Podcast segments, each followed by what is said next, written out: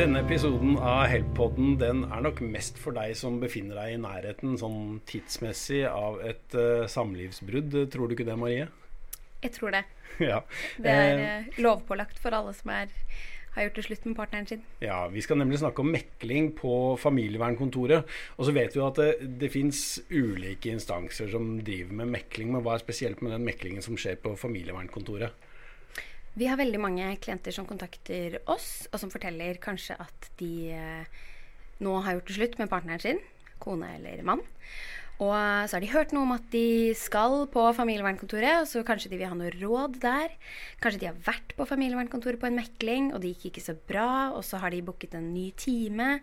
Um, mange vet ikke helt hva det er. Men når du er gift eller du er samboer med felles barn i Norge, mm. og du går fra hverandre, så er det pålagt at du må gjennomføre en mekling. Minst én mekling på familievernkontoret. Nemlig. Og det fins uh, familievernkontorer i uh, alle kommuner. Så det letteste eh, og enkleste er rett og slett å bare søke opp familievernkontor og den kommunen du bor i. Når du skjønner at det går mot slutten med deg og partneren din. Og så ringer man og booker en eh, mekling. Og det er en forutsetning for å ta ut separasjon, f.eks. Mm. Og så er det en del ting man bør forberede. Eh, og forberede seg på. Kanskje snakke med partneren sin om. Og et par ting man bør kanskje forberede seg på å ikke skulle snakke om. Og ikke snakke med partneren sin med før man skal på mekling. Men, eh, men, eh, er det ikke et vanlig problem egentlig at eh, når man skal på mekling, så er man kanskje ikke så, på så veldig god talefot med ekspartneren? Det varierer veldig. Vi har jo noen som går fra hverandre som har egentlig ganske grei tone. De har egentlig funnet ut av det meste selv. De vet hvor de skal bo. Um, kanskje de er litt uenige om akkurat uh, hvilke nett netter barna skal sove hos uh, mor og far. Mm. Kanskje de er uenige om noen småting. Men det er klart, det er også ganske mange som opplever brudd som opprivende, og som uh, ikke har lyst til å tilbringe en time mer med den tidligere partneren sin, og som nå er pålagt, og som gruer seg veldig til det. Men du, Bare et uh, kort kontrollspørsmål. Det er kanskje et dumt spørsmål, men denne meklingen, er den også obligatorisk i separasjonsprosessen for de som ikke har barn? Det stemmer. Eh, nei, unnskyld. Beklager. Ja. det, hvis du ikke har barn, så er det ikke pålagt. Nei, Familievernkontoret tilbyr likevel. Det kan jo være greit at eh, det er jo mye hjelp man kan, man kan, søke. Og Vi i Help kan også bistå med eh, bistand knyttet til det økonomiske oppgjøret. Mm. Men mekling på familievernkontoret er ikke pålagt hvis du ikke har barn. Det er først og fremst retta mot at barna skal ha det greit. Det er derfor mm. vi har det tiltaket. Du, Marie Skjærvold, du er jo da en, en, av advokatene i Help du møter hvis du har eh, LO Favør uh, advokatforsikring. Og uh, du som ser på er selvfølgelig hjertelig velkommen til å kontakte oss hvis du har spørsmål nettopp om mekling. Og vi skal snakke mer om det nå, altså. Men um, Målet med denne meklingen det er vel at man skal komme ut med en, en meklingsattest, er det ikke det? For noen er det det. Ja målet egentlig er at man skal komme ut med en foreldresamarbeidsavtale. Ja, det er det viktigste målet. Ja, nemlig. Og når man har vært på mekling og gjennomført en mekling enten sammen eller separat hver for seg, hvis man ikke klarer å snakke sammen, så kan man be om det. Da får du en meklingsattest. Og det kan vi komme litt tilbake til eh, senere. Men målet med en mekling det er at man skal komme fram til en skriftlig foreldresamarbeidsavtale. Ja. Og den avtalen den skal den kan ta for seg mye. Den kan ta for seg leggerutiner og hvor mange minutter man skal pusse tennene på barna. Men det er ikke vi så veldig opptatt av. Og det trenger de færreste å bry seg om. Det viktigste du skal regulere i den avtalen, er tre hovedproblemstillinger. Det er om foreldrene skal ha felles foreldreansvar, eller om bare én av de skal ha det. Det er om barnet skal ha bosted hos én av foreldrene, eller hos begge. Mm. Og til slutt så er det da spørsmålet om samvær. Hvor mye samvær skal barnet ha med hver av foreldrene? Hvordan skal det se ut på kalenderen i forhold til da foreldrenes arbeidsturnus f.eks. I det du akkurat nå sa, så ligger det vel at en del av disse foreldresamarbeidsavtalene er altfor detaljerte? Det stemmer. ja, Så, så det, du råder ikke folk til å altså det, Om barnet skal ha én eller to brødskiver, det trenger ikke stå der, med andre ord. Det trenger ikke stå der. Noen eh, Altså alle familier er forskjellige, og alle foreldre eh, samarbeider på en ulik måte. Så her fins det åpenbart ikke noen fasit. Men jeg pleier alltid å råde mine klienter til, hvis de skal på mekling, å gå inn på foreldreavtalen.no. Søk opp den. Da kommer du inn på Bufdir sine sider, hvor det ligger da den eh, digitale avtalen som familievernkontoret tar utgangspunkt i. Barne-, ungdoms- og familiedirektoratet. Ikke sant. Bufdir. Ja. Ja. Og de bruker en foreldresamarbeidsavtale som ligger tilgjengelig på nett, og som alle egentlig bør sette seg inn i før de skal på mekling. For da får du en ganske greit, eh, grei oversikt, og den digitale avtalen har også en ganske god sånn digital veileder underveis, som gir deg noen eksempler og noen problemstillinger som gjør det lettere å ta stilling til og forberede seg på hvordan er det egentlig dette med foreldreansvar? Er det eh, nødvendig at en av foreldrene har foreldreansvar alene? Det er veldig sjelden. Vi har noen andre podkaster. Så kommer det nok noen andre podkaster som går grundigere inn på dette med foreldreansvar, fast bosted og samvær. Men veldig kort så kan jeg jo bare oppsummere det og si at det skal, veldig, det skal være noen veldig spesielle grunner som skal foreligge for at man kommer til at det er barnas beste at bare én forelder skal ha foreldreansvar, del i foreldreansvaret. Jeg tror kanskje vi må, vi må si som du var inne på, at eh, det ligger jo litt i ordet hva fast bosted betyr, og hva samvær betyr. Men akkurat det med foreldreansvaret, kanskje du skal si litt mer om hva det innebærer? Jeg har veldig mange klienter som kontakter meg og som sier at de har inngått en avtale f.eks. om hvem som skal ha foreldrerett til barnet. Ja. Eh, så det er ikke bare bare med disse begrepene i barneloven. Men foreldrerett, det er et begrep vi ikke bruker. Det, det fins ikke. det fins ikke. Så foreldreansvar, det er liksom, det aller mest grunnleggende. Det knytter seg til de største, tyngste avgjørelsene, men egentlig ikke så mange. Hvis du har foreldreansvar alene, så kan du flytte til utlandet uten den andres samtykke. Så er det noen medisinske avgjørelser og sånn som du må være med å samtykke i.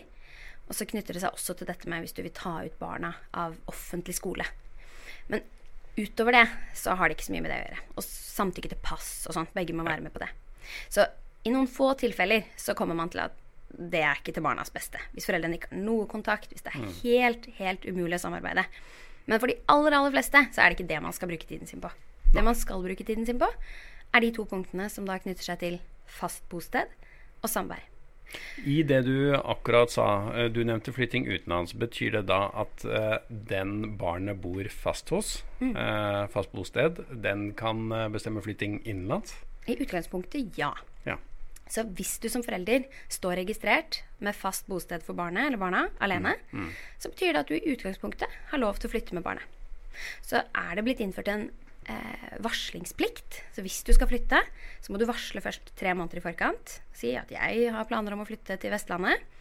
Og det skal gi den andre parten tid til å da f.eks. kalle inn til en ny mekling på familievernkontoret, hvor man kan eh, ta opp om det faktisk er til barnas beste, og eventuelt vurdere om man må inngå en annen type avtale, eller om man får behov for å ta saken inn for retten, f.eks.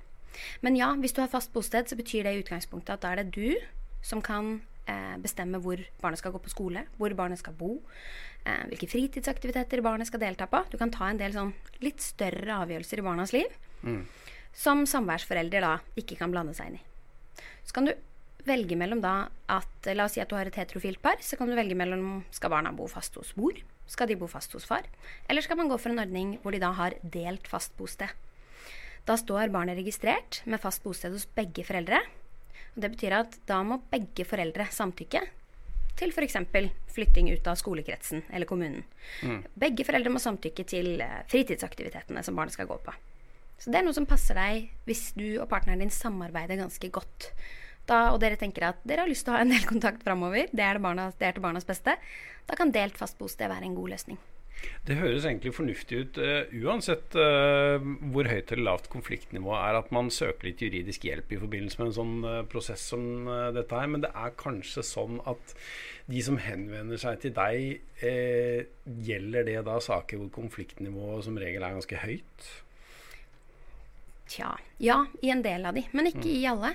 Og jeg tror det er lurt for alle. Hvis du, særlig hvis du har forsikring hos oss, så er det jo ingenting i veien for å ta en telefon før en mekling. Kanskje gjerne har lest avtalen i forkant. Ta det opp med oss. Dette er det jeg tenker er en god løsning for barna mine. Hva tenker dere er risikomomenter her, f.eks.? Ja.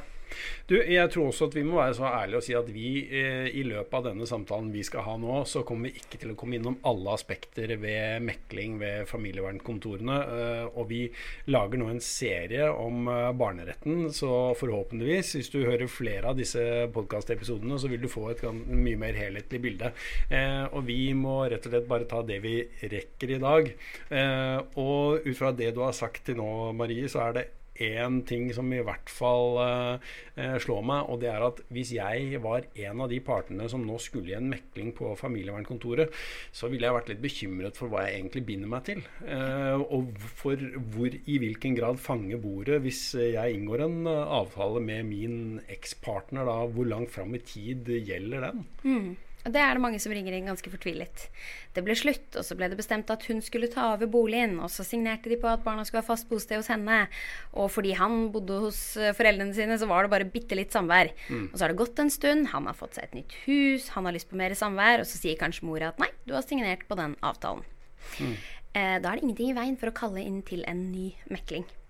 For hva som er eh, den riktige foreldresamarbeidsavtalen, det vil egentlig alltid avhenge av hva som er best for barnet. Mm. Og hva som er best for barnet, det varierer jo ut fra foreldrenes livssituasjon. Det varierer ut fra barnas alder og andre behov. Så det betyr at det er ingenting i veien for at man inngår en midlertidig avtale, for det første. Jeg råder ofte klienter til å inngå det nesten uansett på første mekling. Da er det bruddet er ferskt. Man vet kanskje ikke helt sikkert hvor man skal bo. Man vet kanskje ikke helt hvordan en 60-40-ordning kommer til å funke. Mm. Så det som jeg ofte råder klienter til da, er lag en midlertidig avtale på fire måneder, seks måneder f.eks. Og så avtaler man en ny mekling. For man da skriver i avtalen at da skal avtalen evalueres. Det man får muligheten til da, er å gi barna litt ro. Foreldrene får litt ro. Og så får man testet ut hvordan funker egentlig dette. Hvordan funker dette når begge foreldrene har fått seg et hus? Og man mm. får sett kan barna sykle hjem? Kan de ha med seg kamerater hjem begge steder? Trives barna? Og så kan man også kanskje vurdere å ta med barna på mm. f.eks. neste mekling. så de det er regelen, det er altså at det er flere meklinger? At man, uh, man får ikke bare ett møte? Du får flere tilbud. i hvert fall. Ja. Du, så, så, vi snakker jo med mange som kanskje bare har vært på familievernkontoret én gang, og som ikke er klar over hvilken ressurs familievernkontoret kan være. For du kan gå til mange meklinger. Og hvis ikke dere blir enige første gang, så kan dere bare booke en ny time to uker senere.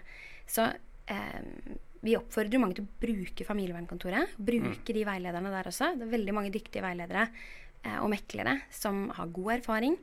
Um, men med litt forberedelse så kommer du veldig mye lenger. Les avtalen i forkant. Send kanskje til og med over et forslag til eksen din, hvor du sier 'Dette er det jeg tenker'. Eh, hva tenker du om dette? Skal vi ta utgangspunkt i dette som en prøveordning, f.eks.?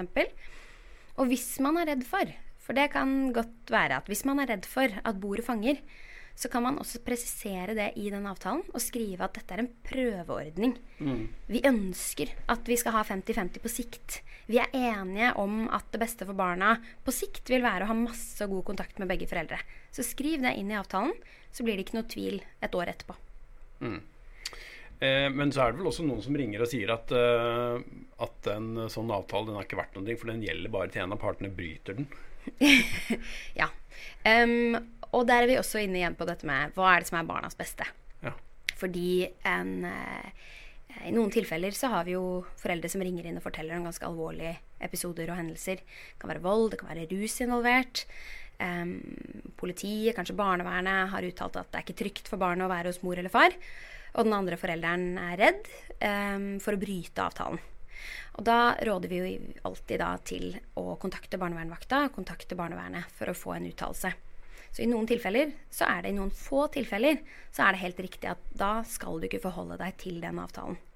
Men som utgangspunkt, hvis du har signert på en sånn avtale, en foreldresamarbeidsavtale, så må du holde deg til den. Og hvis du ikke er fornøyd med den lenger, da er riktig løsning kalle inn til mekling på familievernkontoret, forklare hva du syns er den beste løsningen for barna. Prøv å få med deg den andre forelderen på det. Og hvis ikke det funker, så må du ta kontakt med oss. Mm. Hvis vi skal oppsummere litt nå, så hvis jeg forstår deg rett, så er de uh, foreldre som regel enige om uh, delt foreldreansvar. Ja. Uh, så det viktigste å få på plass i en sånn avtale, det er fast bosted og samvær. Ja. Eh, men så nevnte du én ting, eh, og det er brøk. Fordi eh, det jeg har en mistanke om, er at veldig mange foreldre som har gjennomgått et samlivsbrudd, de er ganske bekymret i tillegg til hvordan det skal gå med barna. Så er de bekymret for økonomi. Ja. Og disse brøkene, samværsbrøkene og sånn, har ganske mye å si for økonomien. I hvilken grad blandes økonomi og barnebidrag og den slags inn i disse avtalene? Og dette er litt vanskelig, um, fordi um, som utgangspunkt så råder vi um, klienter til å prøve å holde det økonomiske utenfor meklingen. det man skal snakke om på meklingen, er rett og slett hvor er det best for barna å vokse opp. Uh, og om den ene forelderen betaler ja, altså en tusenlapp fra eller til i måneden, det har i realiteten ikke så mye å si for barna. I de fleste tilfeller. Så jeg pleier nok alltid å råde mine klienter til å bli enige om samværsbrøken først. Bli enige om Finn den ordningen som passer barna deres best. Og så kan dere i en separat avtale bli enige om hvor mye barnebidrag skal en av oss betale til den andre. Skal det være noe barnebidrag i det hele tatt? Det er en privat avtale. Hvis man ikke blir enige, så kan man be Nav om å fastsette et bidrag. Og da vil valg av fast bosted og samværsbrøk være avgjørende for hvor mye man skal betale. Mm. Jeg skal ikke gå veldig inn på det, men, men, da kan det være lurt hvis du lurer på det selv, hvis du rett og slett kanskje teller på knappene og skjønner at vet du hva, jeg har ikke råd. Jeg har ikke råd til å bli boende i skolekretsen hvis jeg må betale så og så mye bidrag. Hvis det er det det står på, så er det jo åpenbart til barnas beste å drøfte det. Og si at vet du hva, for å få økonomien min til å gå rundt, dette er inntekten min, dette er husleia, da, må, da kan ikke jeg betale mer i bidrag, f.eks. Da bør du ta opp det. Men med mindre det er helt avgjørende um, for at barna skal ha det greit, uh, så pleier jeg alltid å råde klienter til å unngå å ta opp det økonomiske i uh, meklingen. Og særlig den første meklingen etter et samlivsbrudd. Dere er kanskje midt oppi et økonomisk oppgjør også. Den ene parten føler kanskje at man kommer dårlig ut av det. Det kan fort eskalere og bli ganske at da blir det plutselig en høykonfliktsmekling. Og så kommer man kanskje ikke ut med noen avtale i det hele tatt. Så prøv å ha litt is i magen. Um, og muligens ta det etter hvert hvis man orker det, hvis man har tid til det. Eller ta det i en separat avtale. Det mm. pleier jeg å råde klienter til. Ok, ja, um, Jeg skjønner at dette er vanskelig, men uh, altfor enkelt så kan man jo da si at barna er som regel ikke så opptatt av brøkregning, og Nei. da bør ikke det være en del av meklingen heller. Uh, og så får man heller drøfte med advokaten sin der hvordan man skal gå fram. Ja, og generelt også så opplever jo vi at iblant kan Eh, og særlig kanskje når vi er i retten um, og det kommer på spissen. Man er ikke blitt enige, man har fått advokater involvert, man har prøvd å komme til enighet. Man har nå havnet i en hovedforhandling, og man skal prøve å overtale dommeren. Hvis du da som et voksent menneske sitter og sier i fullt alvor at barnet ditt ønsker 60-40 eller 30-70, ja. så er det veldig få dommere som fester lit til det. For barna eh, ja, de fleste barn er ikke opptatt av brøkregning. Ok. Uh, unngå økonomi uh, i meklingsmøtene. Hva annet bør holdes utenfor meklingen? Er det noe mer? Ja, altså jeg er litt opptatt av det å, snakke litt godt med klienter før de skal på mekling på ja, hva bør dere snakke om? Men kanskje enda viktigere, hva er det dere bør unngå å prate om? Ja.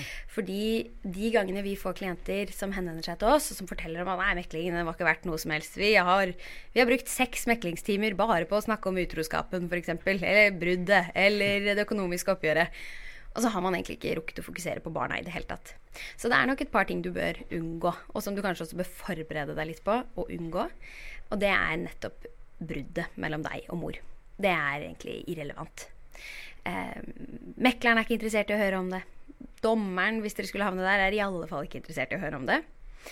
Og eh, med mindre det er ganske alvorlig, så må du nok forholde deg til at barna skal også vokse opp med den andre forelderen.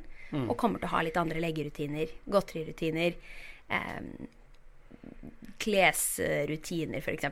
Ja. Så prøv å Tenk på det på forhånd, og kanskje også meld fra i forkant også til mekleren. At hvis dere har noen sånne punkter som du og eksen din vet at dere havner i tottene hverandre på, hver gang det kommer opp, den episoden med bunaden f.eks., kan man si at vet du hva, hvis det kommer opp, Da trenger vi en liten pause. Det skal vi ikke prate om. Det er ikke, ikke så interessant. Ja, jeg skjønner at det her kan være problematisk også, fordi på familievernkontoret så er man jo på en måte på nøytral grunn, da.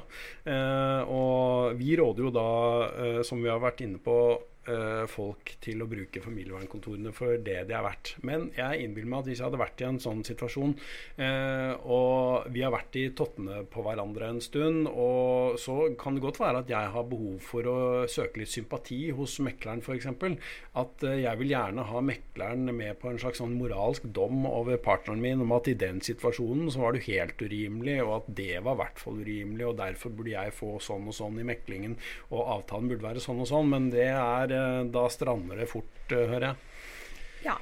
Det er klart at for noen så trenger man kanskje det. Noen par trenger kanskje et par timer i parterapi for å få snakket ut de vonde episodene eller de vonde minnene eller de eh, følelsene man har av bedrag eller eh, sorg, mm. f.eks. Mm. Men eh, og for noen så er det klart at kanskje det kan være forløsende at man får eh, et kvarter hver til å fortelle sin side av saken eller sin side av den episoden. Men generelt da, så råder jeg klienter til å tenke seg grundig gjennom om det egentlig er konstruktivt. Fordi vi opplever jo så veldig ofte at eh, når man først begynner med det, så vil den ene parten sitte igjen og føle at uh, mekleren er partisk eller inhabil nå, jeg vil ikke tilbake. Um, så hvis det først skjærer seg da, så risikerer du plutselig at dere kommer ikke til noen enighet. Dere kommer ikke til noen avtale. Og så krangler dere i to år, og så får dere advokater på saken, og så havner dere i retten, og så er dere enda sintere på hverandre tre år lenger ned. Ja. Ok, men la oss si da at vi er blitt enige. Vi eh, er eh, antagelig enige om at vi skal ha et eh, felles foreldreansvar, og vi har blitt enige om en samværsavtale. Og vi vet hvor barnet eller barna våre skal bo. Og dette har vi fått ned i en avtale som er forhåpentligvis mulig å forstå. Men hva skjer etter det, da, når vi går hvert til vårt? Hvor, hvordan planlegger vi videre? Hvis vi begynner med de lykkelige eksemplene. Eh, noen inngår en avtale, og så er det egentlig ikke så veldig mye mer å følge opp etter det. Man har kanskje ganske grei kontakt foreldrene imellom. Man klarer å løse konflikter. Da er det jo ikke noe problem. Så har man de tilfellene hvor du kanskje Det begynner å bli litt frynsete etter kanskje en periode. Kontakten er veldig dårlig. Selve avtalen kan kanskje opprettholdes, men det er mye konflikt mellom foreldrene. Da er det lurt å kalle inn til en ny mekling på familievernkontoret. Og så kan man igjen prøve å identifisere hva er det vi egentlig skal snakke om her. Vi er fornøyde med samværsordningen, antall mm. netter, men vi må snakke om leggerutiner. Fordi det blir utrolig vanskelig fordi barna har så ulike rutiner, og de blir stressa av det, f.eks. For, for noen er jo det nok at man bare må snakke om kommunikasjon, rutiner, eh, henting, levering. Altså man må få på plass de tingene. Og så har du de tilfellene hvor en forelder opplever at vet du hva, denne samværsordningen funker ikke. Eh, den andre forelderen avlyser eh, annethvert samvær. Eller kanskje man opplever at barna gruer seg til samvær. De sier rett ut at de ikke vil på samvær. Da må man kalle inn til en ny mekling, hvor man rett og slett tar opp det. at man, Og gjør det også tydelig, gjerne i forkant til mekleren også, hva er det som er hensikten med den meklingen. Det kan være lurt å være ærlig på også. Si det at jeg ønsker at vi skal diskutere en endring i samværsavtalen. Mm. Eller f.eks. hvis det er at um, du har kommet inn på eh, Du har fått en jobb i Bergen. Um, og du har en kjæreste i Bergen som du gjerne vil flytte til. Og du har fast bosted for barna. Mm. Du kommer til å flytte med barna. Det er planen din. Da bør du også eh, melde fra til den andre forelderen. Og hvis den andre forelderen da sitter igjen i eh, bygda og sier at hepst, dette er jo her barna har vokst opp, det er her besteforeldrene bor, barna har det godt her, de har ikke lyst til å flytte til Bergen til din nye kjæreste, da er det også veldig viktig å kalle inn til en mekling for å få diskutert. Hva er det du planlegger nå for barna? Men hvordan er dette hvis jeg eh, planlegger å flytte morgen? Er det ikke noe med tre måneder? At jeg må varsle deg ja. tre måneder i forveien? Nettopp sånn at den andre får tid til å kalle inn til en mekling. Hvis jeg ikke gjør det, er det noe Nei, det er dessverre ikke en uh... Sanksjoner mot det? Ja, nei. Det, det kan uh, hvis du har mistanke om at den andre forelderen har planer om å flytte, mm. og den ikke har varslet, så bør du egentlig ta kontakt med oss med en gang. Da bør du også få kalt inn til en mekling, sånn at du får en meklingsattest, som du var inne på helt innledningsvis. Mm. For da har du eh, et grunnlag for å kunne eventuelt ta en sak til retten. Ja. Og det er sånn vi kan hjelpe dere med å eh, altså vi kan hjelpe dere med å vurdere det. Er det nødvendig? Må man ta ut en stevning? Må man ta ut et krav om en midlertidig eh, midlertidig beslutning fra retten, sånn at man får stanset en flytting f.eks. i noen tilfeller. Ja, men du, eh, Det var én ting eh, som vi ikke har snakket så mye om, men du var inne på at eh, ja, det kan jo være tilfeller hvor barna motsetter seg samvær. Um, I hvilken grad skal barna involveres i meklingen? Ja, altså Det fremgår av barneloven at fra barn er syv år, så skal de involveres i beslutninger som handler om de. Fra de er tolv, så skal meningen deres vektlegges ganske betydelig. Mm. Så det betyr at eh, man bør alltid prate med barn, involvere barna. Og så er det selvfølgelig et eh, kunstverk å klare å gjøre det uten å eh, uh, altså, Hva skal man si ja, Gjøre situasjonen vanskelig for barna. Da. Mm. Så her fins det også en del gode råd. veldig mange gode råd på familievernkontoret. og vi har nok også mange erfaringer hos oss. Men det som er lurt, er at man forteller barna i fellesskap at man skal gjøre det slutt. Hvis man har mulighet til det. Og at man også forteller barna i fellesskap hvor skal dere bo nå for en midlertidig periode f.eks., mens mamma eller pappa finner seg et nytt sted å bo i nærheten. Hvis man klarer det, prøv gjerne å gi beskjed til barn i fellesskap. Hvis man merker at man som foreldre opplever barna kanskje litt eh, ulikt, og det er jo ikke uvanlig, at vi har to foreldre som sier Petter, han vil jo bo hos meg 50-50, det går helt fint, han trives kjempegodt. Mm. Og så sier den andre forelderen Petter har ikke lyst til å være hos deg i det hele tatt. Petter eh, vegrer seg for samvær. Og så har du to vilt ulike virkelighetsoppfattelser. Da er det jo f.eks. naturlig å høre med barnet om kanskje barnet har lyst til å uttale seg til en objektiv tredjepart. Kanskje barnet kan høre med, bli hørt av mekleren på familievernkontoret før dere skal møtes. Eller mm, sammen med dere i møtet. Da er det ofte lettere for barn å si sin mening. Um, så hvis man generelt, hvis man merker at man er kommet dit, at man er to foreldre som har vilt ulike opplevelser av hva barnet mener, så tenker jeg at da bør man ganske raskt se om ikke man kan få inn en tredjepart som kan hjelpe til. Fordi det, når barn står i den situasjonen i lang tid, og skjønner og merker at foreldrene eh, ikke har tillit til hverandre, det kan være ganske slitsomt for barn. Mm. Så ta opp det med familievernkontoret. Kan barna høres. Eh, det er vel da kanskje riktig å si litt sånn avslutningsvis at um de fleste barn eh, setter nok pris på at foreldrene kommer til enighet, at de blir enige om noe, sånn at man slipper at saken ender i domstolen. For det mm, innbiller jeg meg blir ganske opprivende. Absolutt. Ja. Det er um, nesten alltid til barnets beste at foreldrene klarer å komme til enighet. Uh, at de kan inngå en utenrettslig avtale. En minnelig løsning. Um, og så uh, er det selvfølgelig i noen tilfeller så er det såpass høyt konfliktnivå at da da er det nok best at det kommer inn en dommer og bare skjærer igjennom. Men det er ytterst få tilfeller. Og jeg kan love alle som tenker at det ville vært um, deilig å få en advokat som kan slå i bordet og fortelle deres sak i retten. Mm. Du får også en advokat på den andre siden som kommer til å dra opp eh, potensielt alt du noen gang har gjort feil som forelder, og alle dine svakheter, og vitnesbyrd som kan fortelle om hvordan du er som forelder. Og det å havne der, hvis man kunne løst det um, uten det er alltid å alltid anbefale hvis man får til det. Ja. og så er det jo det å si også at uh, foreldre det skal man jo fortsette å være til uh, de samme barna i overskuelig fremtid. En uh, foreldreavtale eller en avtale eller en dom eller ei. og det, det, kan være verdt å huske på.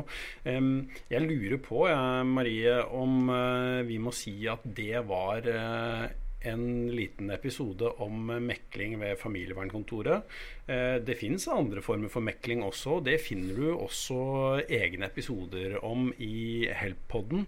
Eh, og så lover vi at vi eh, skal belyse andre sider ved barneretten også i andre episoder av Helps podkast. Den lages av advokatene i Help, og i dag så har du hørt Marie Skjærvold og Dag Are Børresen. Og Rasmus Tella sørger for at det ble lyd og bilde bildet. Og så sier vi tusen takk for at du så eller hørte på oss.